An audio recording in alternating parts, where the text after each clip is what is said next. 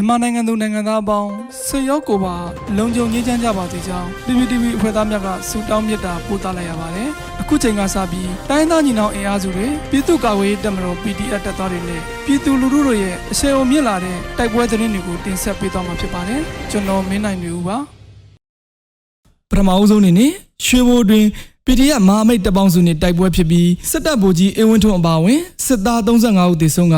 PDF 2ဦးကြာဆုံးတဲ့တဲ့တင်ဆက်ပါမယ်။ စကိုင်းတိုင်းရွှေဘုံမြို့နယ်တွင်ဇွန်လ12ရက်နေ့ကတိုက်ပွဲဖြစ်ပြီးဗိုလ်ကြီးအဝင်းထွန်းအပါအဝင်စစ်သား35ဦးသေဆုံးကြောင်း MDS ရွှေဘုံမြန်မာ Defense Force ကသတင်းထုတ်ပြန်ထားပါတယ်။ဇွန်လ12ရက်နေ့တွင်ရွှေဘုံဘက်မှစတင်ကစစ်ကြောင်းထိုးလာတဲ့အကြမ်းဖက်စစ်ကောင်စီတပ်များဟာရွှေဘုံမြို့နယ်ရွာစိုးရွာနှင့်ပောက်ချိုင်ကျေးရွာသို့လက်နက်ကြီးများဖြင့်ပစ်ခတ်ဝင်ရောက်လာခဲ့ပြီးပောက်ချိုင်ကျေးရွာရှိအင်ဂျီ109လုံးကိုမိရှို့ဖျက်ဆီးခဲ့ကြောင်းကြံကျေးရွာများစီသို့ ဆက်လက်စစ်ကြောင်းထိုးလာရာရွှေဘိုအနောက်ဘက်ခြမ်းတွင်မဟာမိတ်ညီနောင်များကတိုက်ခိုက်ရာအကြမ်းဖက်စစ်ကောင်စီဘက်မှဗိုလ်ကြီးအေဝင်းထွန်းအပါအဝင်စစ်ကောင်စီဘက်တော်သား35ဦးသေဆုံးကြောင်းသိရှိရပါတယ်။ပြည်ရတပ်ပေါင်းစုများဘက်မှလည်းရဲဘော်ဦးကျော်လင်းရွှေဘိုနှင့်ကိုရဲမင်းနိုင်တပင်းတို့နှစ်ဦးကြာဆုံးခဲ့ကြောင်းသိရှိရပါတယ်။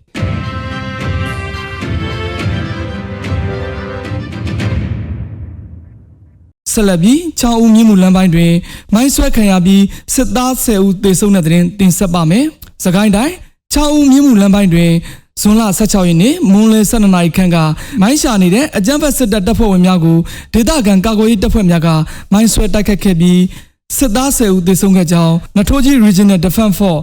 NRDF တပ်ဖွဲ့ထံမှသိရပါတယ်။အကြံဖက်စစ်တပ်ဟာမန္တလေးမှာစစ်ကား၅စီးဖြင့်ထွက်ခွာလာပြီးနောက်6ဦးမြင်းမှုလမ်းပိုင်းတွင်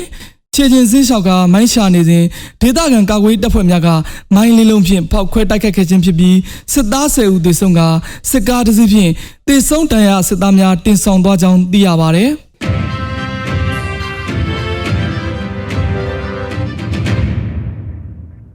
မြိုင်တွင်ပြူစောတိနှင့်စစ်သား73ဦးသေဆုံးတဲ့တဲ့ရင်ဆက်လက်တင်ဆက်ပါမယ်။ မကွေးတိုင်းမြိုင်မြို့နယ်ကန်နီယာတွင်တပ်ဆွဲထားတဲ့အကြမ်းဖက်စစ်တပ်နှင့်ပြူစောတိများကိုဒေသခံကာကွယ်ရေးတပ်ဖွဲ့များကဇွန်လ15ရက်နေ့နနက်6နာရီခန့်တွင်လက်နက်ကြီးများဖြင့်ပစ်ခတ်တိုက်ခတ်ခဲ့ပြီးစစ်သားနှင့်ပြူစောတိ73ဦးသေဆုံးခဲ့ကြောင်းဘလက်ကော့ပျောက်ကြားတပ်ဖွဲ့မြိုင်ထံမှသိရပါဗျ။အကြံဖက်စစ်တပ်နှင့်ပြူစောတိတက်ဆွဲထားတဲ့နေရာကိုဒေသခံကာကွယ်ရေးတပ်ဖွဲ့များကဇွန်လ15ရက်နေ့နနက်6နာရီမှ8နာရီထိ 60မမ80မမ120မမလက်လုတ်တာဝဲပြစ်လက်နက်ကြီးများဖြင့်အလုံးရေ900ကျော်ခန့်ပြစ်ခတ်တိုက်ခတ်ခဲ့ခြင်းဖြစ်ပြီးစစ်သားနှင့်ပြူစောတိ73ဦးသေဆုံးခဲ့တာပါ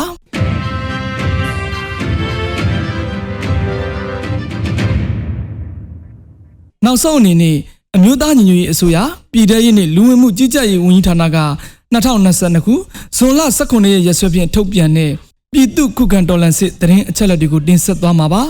အာနာသိန်းအကြံဖတ်စစ်အုပ်စု၏ပြည်သူလူထုအပေါ်အကြံဖတ်ဖိနှိပ်ဖမ်းဆီးတိုက်ခတ်တပ်ဖြတ်နေမှုများကိုပြည်သူလူထုတရက်လုံးကအသက်ရှင်တန်ရေးအတွက်မိမိကိုယ်ကိုမိမိခုခံကာကွယ်ပိုင်ခွင့်အရာပြည်သူခုခံစစ် People Defensive War ကိုဆွေးနွေးလျက်ရှိပါတယ်။တရင်ချက်လက်များရာ16ရက်6လ2022ခုနှစ်တောက်ကြနေ့တွင်စစ်ကောင်စီတပ်ဖွဲ့ဝင်48ဦးသေဆုံးပြီးထိခိုက်ဒဏ်ရာရရှိသူ24ဦးထိခုခံတိုက်ခိုက်နိုင်ခဲ့ပါတယ်။ စစ်အာဏာရှင်စနစ်မြမအမျိုးပေါ်မှာအပြစ်တိုင်ချုပ်ငြိမ်းနေဖက်ဒရယ်ဒီမိုကရေစီတည်ဆောက်ရေးအတွက်ငြိမ်းချမ်းစွာဆန္ဒပြသည့်လူမှုတပိတ်တိုက်ပွဲများကပြည်내နှင့်တိုင်းဒေသကြီးများမှာဖြစ်ပွားပေါ်ပေါက်လျက်ရှိပါတယ်။မြေပြင်မှာယခုတွေ့ရှိရတဲ့သတင်းအချက်အလက်များထက်ပို၍ဖြစ်ပွားနိုင်ပါတယ်ခင်ဗျာ။